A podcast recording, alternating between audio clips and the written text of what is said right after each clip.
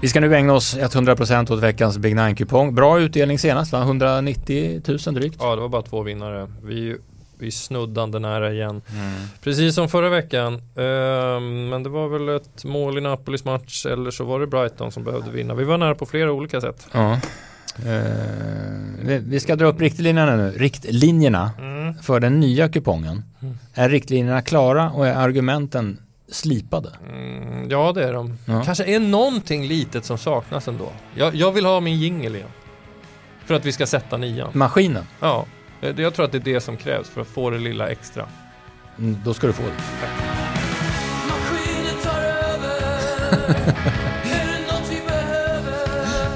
är det någonting vi behöver?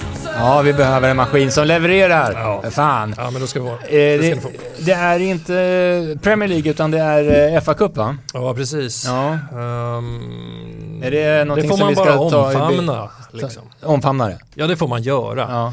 Ja. Uh, och alla vet att den kommer. Ja, och, och första matchen på Big Nine-kupongen är Manchester United mot Reading. Mm. Alltså, Uniteds matchtider, det har faktiskt varit som en snitslad bana för att passa in i mitt liv. Jag Jaha. missar inte en sekund. Och Nej. nu ser jag att de börjar den här matchen 21.00. Perfekt. Jag, jag kommer ju sitta där. Ja. Eh, ja du, man har förutom Reading då ett dubbelmöte mot Nottingham i den andra kuppen, i den lite mindre kuppen, i den som heter Carabao Cup. Det är väl idag för oss va? Ja det är det ju, första ja, mötet. Och sen så kommer andra mötet onsdag igen tror jag. Onsdag, onsdag spelar man. Mm. Jag tror att man verkligen, verkligen vill vinna eh, Carabao Cup. För man ser sitt givna läge där, man är framme i semifinal. Och så åsidosätter man den här lite grann. Eftersom ja, det är Reading hemma mm. på Old Trafford. Så jag, tror, jag, jag misstänker till exempel Lindelöf. Mm. I startelvan, till exempel Harry Maguire, till exempel McTominay och Anthony Elanga. Menar att, menar att det kan skrälla? Eller nej, det kan det inte göra. Jo, jag menar det. Aha. Ja, men det är så mycket reserv betonat som han bara kan ställa upp Erik Ten Hag. Eh, kommer han att ställa upp. Och så kommer han känna att ja men ni är ändå Manchester United-spelare. Mm. Ni, ska, ni ska slå Reading ändå. Mm. Och ja, det är klart att Reading behöver en fullträff om de nu ska göra det här spännande. De ligger på 14 plats i Championship. Och det är ju en placering som man, ja, där kommer de ligga liksom. Mm. Ja, de kommer att uh, göra vad de kan i den här matchen. Det är 90 procent.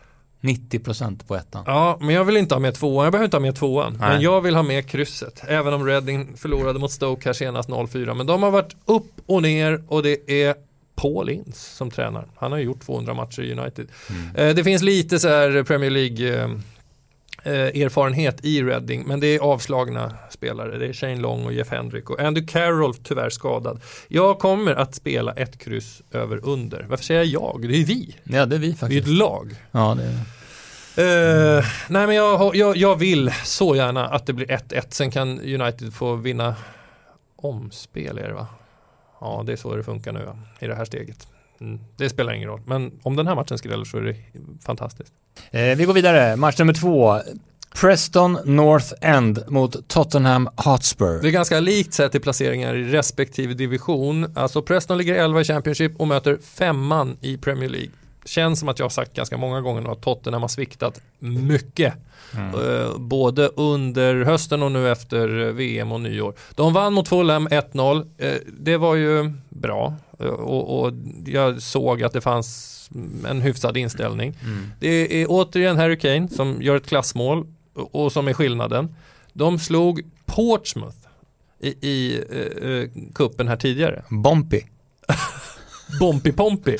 Precis så. Ja. Och då är det återigen Harry Kane som spelar 90 minuter. Ni kan det där nu att om inte Kane är där och mm. räddar upp Tottenham då, ja, ja, då kan det bli lite hur som helst. Det här är jättevarning. Ja, det skulle jag verkligen säga. Mm. Och om Conte nu roterar och spelar de här Tanganga och Brian Gill och Vila Kulusevski och uh, ja, mm. och Höjbjerg och så vidare. Då är det ju ännu större varning. 4% på en rak etta där. Jag vill spela wildcard här. Alltså, ja. alltså Preston är ju, är, om man tittar på deras trupp, det är ganska mycket doldisar. Det, det finns ju några lån där som är lite intressanta, unga spelare. Mm. Men eh, skillnaden Preston-Reading, som alltså möter United på bortaplan, det är att Preston tar emot Tottenham mm. och att jag tycker att Tottenham är så de är så beroende av en spelare. Mm. Ja, Kulusevski tycker jag också, han gör det bra hela tiden. Men det, det, nej, jag tror att vi kommer få se ett ganska reservbetonat Tottenham som kommer få det svårt. Och det är inte ens säkert att de klarar kryss. Och du lägger wildcard där? Ja, alltså. det gör jag. ja, Spännande. Ja, Jävligt spännande. Match nummer tre på veckans Big Nine-kupong det är Fulham-Sunderland. Ja. Mitt Fulham.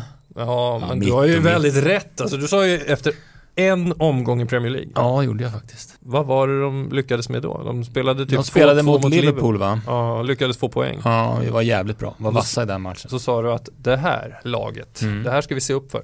Eh, och det får vi fortsätta göra. Eh, De har ju fantastiska spelare offensivt tycker jag. Pratar inte bara om Mitrovic, till exempel William som är 34 år har ju verkligen startat om i Fulham och gör det bra. Eh, som jag sa, stryk mot eh, Tottenham 0-1. Stryk också matchen innan mot Newcastle 0-1. Det var när Mitrovic slog ihop sina ben på den där straffen, tror jag vi sa förra veckans podd också.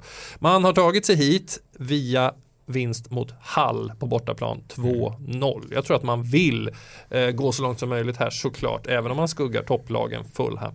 Sunderland är då nia.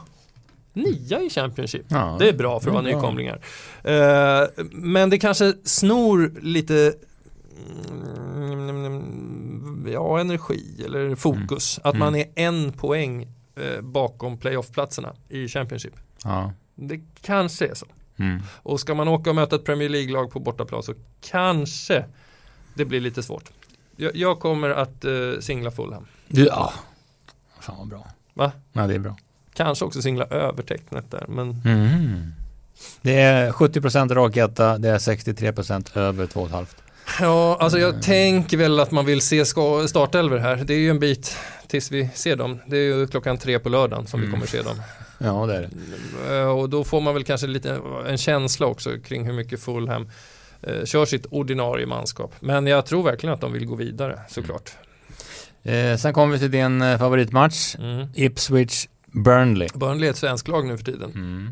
Mm, Hjalmar Ekdal är väl presenterad eh, och man är ju så gott som klara för Premier League. Eh, man har 62 poäng i Championship och trean Watford har 44. Snabb huvudräkning 18 poäng. Mm. Det tappar man ju inte.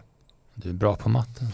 Eh, Ja, och det hjälper ju till lite grann i det här mötet, måste jag ju säga. Jaha. Om man nu är så klara som jag ändå tänker att Vincent Company tänker, Mm. då är det väl givet att han även vill ta sig långt i den här turneringen. Ja.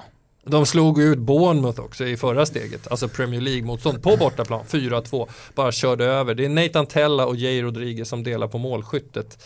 Eh, Ipswich, vi, måste vi säga något om dem? Nej, Ja, det är bara spika tvåan. de ligger trea i League One. Spika tvåan bara. De har en back som heter Leif i förnamn. Jaha. En, en assistkung. Ja, i förnamn. Det var konstigt om det var i efternamn. Ja, han heter Davis i efternamn. Ja, Det är ovanligt. Leif ja det är det. i England. Ska vi Eh, ta det i backning? Ja, men kanske inte förnamnet, men att han har gjort sju assist. Och de har en stor målskytt längst fram, Connor Chaplin, 12 mål. Mm. Eh, de, de slog Rotherham, inte för att jag såg den matchen, eh, inte, inte hela i alla fall, eh, när Ipswich slog Rotherham med 4-1. Så att eh, de, de är väl, ja, ja, de är väl okej liksom framåt, men det blir nog svårt mot Burnley. Mm. Jag vill ha två över under. All right. Så nu har vi spik på Fulham, spik på Burnley.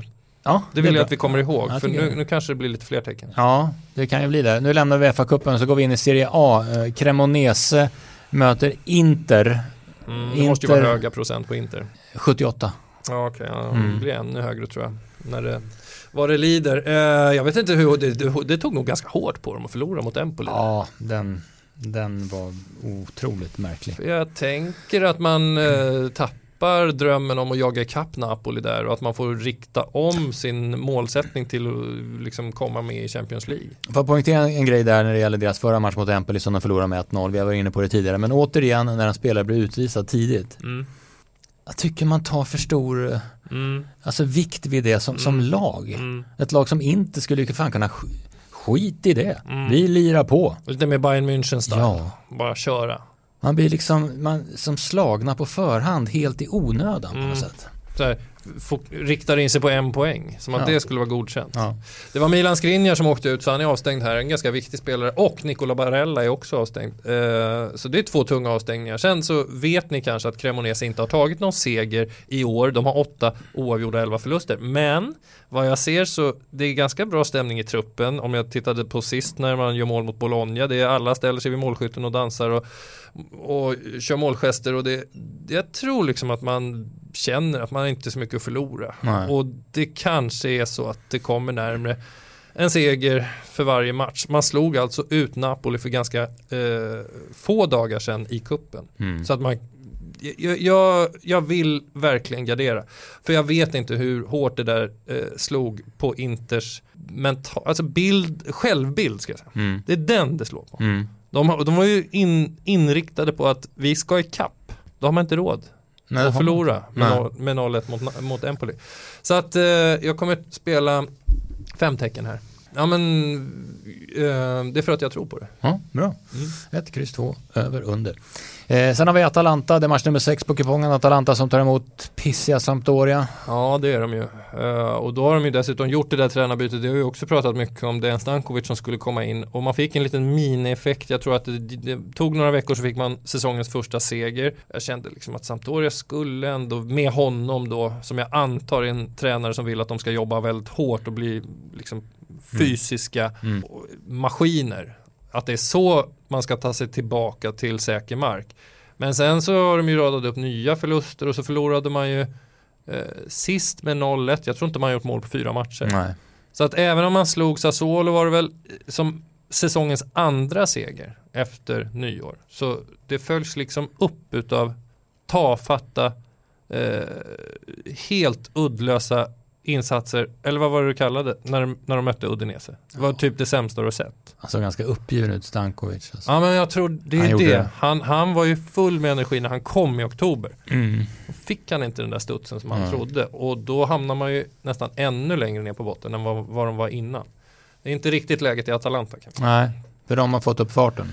Ja, eh, 3-3 där mot Juventus som vi sa, 5-2 mot Spezia-cupen, 8-2 mot Salernitana, 2-1 mot Bologna, 2-2 Spezia, ni hör, de gör mål igen. Mm. Och de här spelarna där framme, äntligen Jeremy Boga som jag tycker är en fantastisk spelare, äntligen har han börjat göra poäng. Och Ademola Luckman och den där dansken Rasmus Höjlund som vi pratade om för några veckor sedan. De är ju livsfarliga när de har eh, flowet. Joakim Mähler gjorde till och med mål. Alltså den här eh, ytterbacken som var typ bäst i EM 2022. Dansken, han gjorde mål sist. Så här behöver du inte många tecken. Nej, här blir ett över. Vi går vidare. Match 7 på Big Nine-kupongen. Girona mot Barcelona. Ja, bra där. Det är ett derby. Eh, Det vet jag. För att jag har varit i Barcelona och sett skyltar mot Girona. Eh, Sex mål har de släppt in på hela säsongen i Barcelona. Och då kommer jag ihåg att de släppte in tre mot Real Madrid. Det betyder att de släpper in väldigt få mot resten Mm. av alla lag. Eh, de ligger fortfarande etta. Robert Lewandowski och Ferran Torres är avstängda. Det är ändå ett litet avbräck. Ja. Plus ett litet till avbräck. Även om de har många alternativ framåt. Mm. Mm. Girona har en spelare från Uruguay som heter Christian Stoani. Han har varit där i typ 10 år. Han var där förra gången de var i La Liga och han är ju fortfarande deras ehm, target player Ja. eh, längst fram. Eh, de, i- de kan bli lite halvjobbiga i Girona tror jag. Du tror För det? Barcelona att slå. Det är skrälläge eller? Mm, kryssläge om Ja. man eh, har tur. Nu, de förlorar mot Villarreal med 0-1. Innan dess mm, vinst Sevilla. Ja. Vilket jag inte trodde. Nej. De är bra ändå på att liksom hänga kvar i matcher. Mm. Det uttrycket har jag använt förut. Eh, men jag tror att eh, vi ska ha med ett kryss här. Mm. Eh, kryss två över under, har vi råd med det? Ja, det känns som att vi verkligen har råd med det. Bra. Då är det här liksom vår tredje möjlighet till att fälla en stor favorit. Och så är det den här veckan. Så vi kommer det. tro stenhårt på några och vi kommer behöva fälla två, kanske tre. Mm. Sen knyter vi näven Exakt. och flyger till Tokyo. Ja. Sen har jag, jag, jag vet inte vad du säger, men jag har ju någon Getafe-känsla. Jag har haft det några gånger. Mm. Se om det är rätt den här gången. Getafe, Real Betis. Ja, de mötte ju Barcelona sista och Getafe förlorar med 0-1. Det är fjärde raka förlusten, uddamålsförlusten, men jag är alltid med i matcherna på något sätt. Men eh, du menar att de ska sprattla till då såklart. Ja. Uh, inte omöjligt. De uh, är ju i bottenträsket där med Celta Vigo, Sevilla och de lagen. Väldigt jämnt spelat, 1, kryss 2 här kan jag säga. Ja, folk kanske funderar på det där med förra veckan, det som hände när, när vi härifrån säger att Espanyol slår Betis. Mm. Det var mest jag som var inne på det. Ja, det var du som Eller de, de, de kommer ta poäng av Betis. De undviker förlust och de vann ju med 1-0. Och det kanske speglar sig nu på procenten. Ja, kanske. Nu tycker inte jag är det samma läge kring Betis riktigt. Nej. Då var de utslagna ur två kupper. Bara dagar senare skulle de möta svårt eh, borta motstånd. Mm. Självklart ganska svår match det här också. Men ja, du tar med alla tecken. Du kan få rista in ettan om du vill det. Ja, jag vill ha, på, jag vill ha med den. Ja, ja, mm. Okay. Jag, hade tänkt, jag hade tänkt gå för kryss 2. Mm. Eh, kanske kryss 2 under till och med. Jag vet inte, det känns inte som du har använt så mycket tecken. Eh, billigt system här. Ja. ja. Men du kanske tar, drar allt på sista matchen, match nummer 9, Marseille-Monaco. Ja. Eh, det var en riktigt dundermatch när de möttes sist. Det var inte så länge sedan. Det var väl eh, precis innan VM, november. 3-2 till Marseille blev det och då spelade de på bortaplan. Eh, Kolasinac var det som avgjorde 90 plus 8 och eh, när man ser highlights och sådär från vissa matcher då inser man att eh, det kan betyda eh, mer än eh, andra gånger. Mm. När hela laget är ute på löparbanorna mm. och firar med publiken mm. och det är mycket känslor och det, ja, det var en sån där match som betydde oerhört mycket. Det är två lag i väldigt bra form. Ska jag säga. Och jag ska också säga att det är inte bara Kolasinac i Marseille som kommer från Arsenal. Det är Alexis Sanchez, Guendouzi, Nuno Tavares. Det är ett mini-Arsenal. Men den stora överraskningen, eller den stora nyheten som inte är så ny längre, men vi är ju lite tvåa på bollen ibland. Mm. Ruslan Mal Malinovski. Ja. Ja, ja. ja. ja. han spelar i Marseille. Två framträdanden hittills, ett inhopp. Är det här en match som kan spåra? Ja, det kan det nog göra. Mm. Menar du aggressivitet? Ja. Eh, det kan det nog göra om man mm. tittar på hur viktig den är för tabellen. Det är två lag som jagar Champions League. Det är bakom PSG de som gör mest mål i hela ligan. Ja, jag tror att, de, jag tror att det blir känslor. Ja. Eh, jag tror att Kevin Folland är skadad fortfarande i Monaco. Han som gör målen, men de har bra ersättare, Ben Yedder, eh, alltså Wissam Ben Yedder och Brel Mbolo. Nu har jag namedroppat så mycket. Ja jävlar vad namn alltså. Ja, men det blir väl så när man inte riktigt vet vad man ska säga. Ja men du, du ska väl leverera något tips? Ja, ett kryss över under. Jag tror inte att eh, Marseille förlorar den här matchen. Nej. Eh, alltså Monaco behöver tre poäng men de kommer se det som att oavgjort är bra. Ja. Det är en ruskigt svår match för dem. De är i toppform Marseille. Ja, det sa jag ju förut. Eh, Sportstudions andelar finns ute till försäljning när maskinen har bestämt sig för att aktivera spelet. Så att ni vet det. Eh, ja.